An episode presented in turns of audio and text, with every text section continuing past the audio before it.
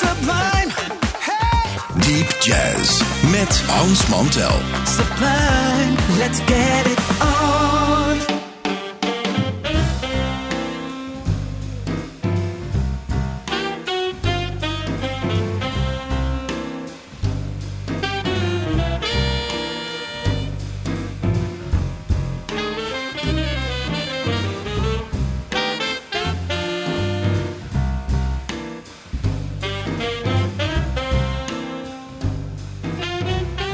Luisteraars, welkom, welkom bij weer een aflevering van Deep Jazz hier op het themakanaal van Sublime. Eh, eh, ja, ik zit hier als altijd eh, weer omringd door grote stapels platen. En de techniek is deze de- vandaag in handen van Dennis. En ehm, ja, ik zeg al, grote stapel platen. En er is een fantastische box bij. De complete Blue Note Sessions van Stanley Turrentine. Ik denk, nou, dat is te leuk om niet te doen. Ehm, ja, die Blue Note Sessions waren natuurlijk altijd geweldig. Met alleen maar grote namen. Elvin Jones op drums. Ray Barretto erbij voor een paar stukken percussie. Bob Crenshaw bas. McCoy Tyner piano. Lee Morgan trompet. En eh, ik vond het leuk dat er een stukje van Lennon en McCartney bij zat. En dat gaan we doen. Dat heet Can't Buy Me Love.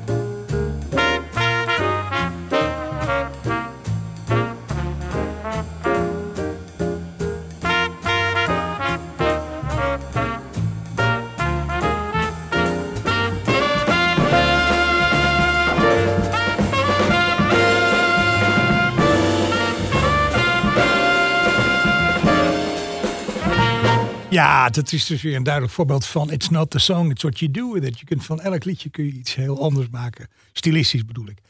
Ik weet niet echt of dat helemaal, helemaal waar is. Dat er een paar liedjes zijn die eigenlijk in andere stijlen niet zo goed over het voetlicht kunnen brengen. Maar daar hebben we het een andere keer wel over. Stanley Turntine's uh, Sextet met onder andere McCoy Tyner en Lee Morgan en Elvin Jones. Hi, this is Christian McBride, and you're listening to Deep Jazz with my main man, Hans Mantel. You know who he is? I'll say it again. He's my main man. He plays those must-have records that you need to hear. Volgende plaat is van pianist Eric Reed, opgenomen voor Smoke Sessions, dat label waar we de laatste tijd wel vaker wat van draaien, met Seamus Blake op saxofoon, Ben Williams op bas, Gregory Hutchinson op drums. Allemaal uh, ja, ontzettend goede mensen. Groovewise heet de plaat. En de beetje enigmatische titel van dit stukje is Until the Last Cat Has Swung.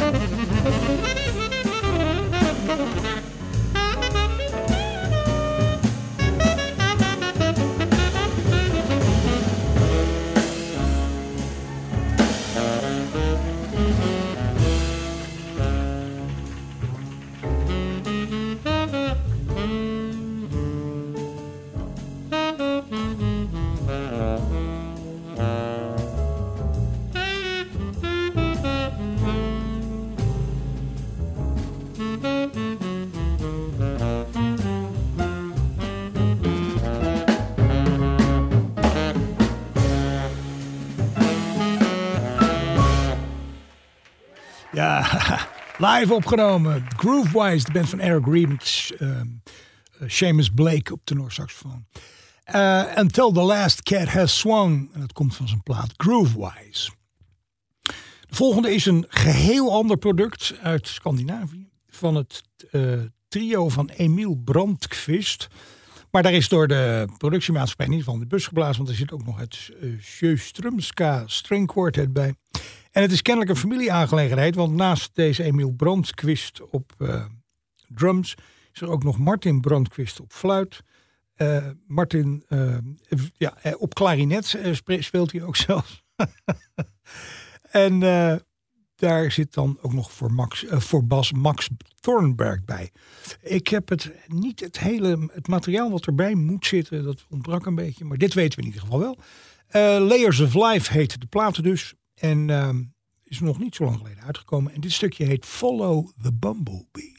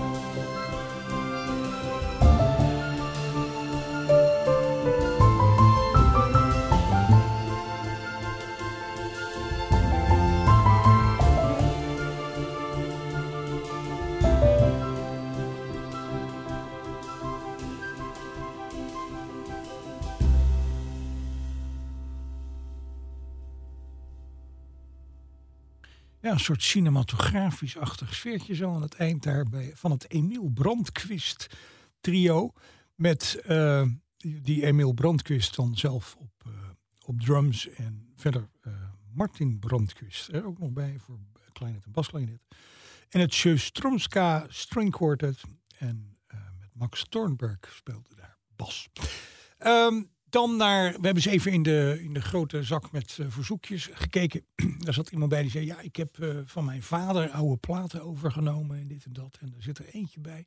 Die vind ik zo te gek. Alleen op dat eerste stuk, daar zit een kras op de plaat en daar slaat hij steeds over. Maar dat zou ik zo graag willen horen. Nou, tuurlijk. Welke plaat is dat dan? Het is uh, Sunny Stitt Sits In with the Oscar Peterson. Ik zei, nou, maar die hebben we hier. dat, is een, uh, dat is een plaat die vind ik zo verschrikkelijk goed. Niet alleen omdat uh, trio zo goed speelt, maar Sunny Stitt is echt tekstboek bebop. En dat is, ja, daar is alles goed aan. Daar kunnen we heel kort over zijn. Dit is I Can't Give You Anything But Love.